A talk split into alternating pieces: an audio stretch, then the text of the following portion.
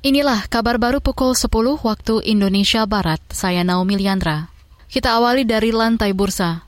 Perdagangan saham di Bursa Efek Indonesia pagi ini bergerak fluktuatif atau naik turun. Indeks harga saham gabungan IHSG pagi ini dibuka menguat 35 poin atau 0,49 ke level 7.267. Indeks sempat melejit hingga posisi tertinggi di level 7.270 sebelum anjlok ke zona merah dan menyentuh posisi terbawah di 7.206. Sebelumnya pada penutupan kemarin IHSG ditutup menguat 7.232 menguat 45 poin atau 0,63 persen. Berbeda dengan berbagai bursa saham utama Asia yang hari ini justru dibuka menguat. Bahkan indeks Hang Seng Hong Kong menguat hingga 2,1 persen. Di sisi lain, nilai tukar rupiah menguat melawan dolar Amerika Serikat. Melansir dari data RTI, rupiah menguat 0,23 persen ke 14.860 rupiah per US dollar.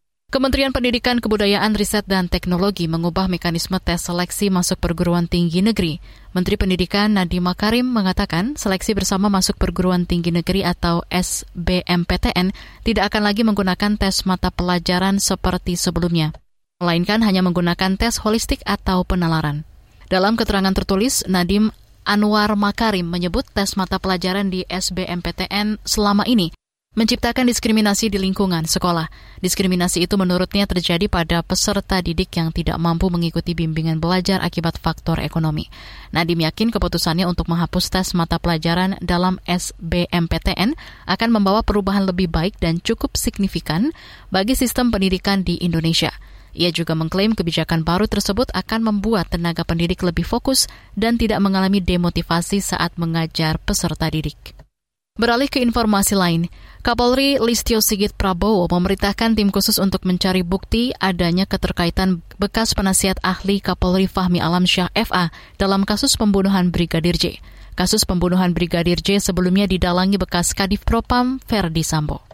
Beberapa waktu yang lalu, saudara FA sudah mengundurkan diri dan saya sudah minta kepada tim kalau memang ditemukan pidana adanya pelanggaran pidana proses. Saya sudah sampaikan begitu. Karena semuanya supaya menjadi jelas. Yang jelas di sisi ini uh, saya memiliki komitmen bahwa siapa pun yang terlibat, walaupun awalnya saya dianggap ragu-ragu dan sebagainya, bukan karena ragu-ragu, tapi saya yang mengedepankan scientific crime investigasi.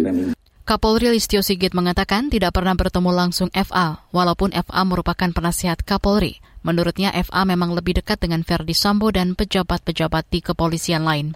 Hal ini jugalah yang membuat internal Polri termasuk penyidik terganggu secara psikis saat menangani kasus pembunuhan. Demikian kabar baru KBR, saya Naomi Liandra.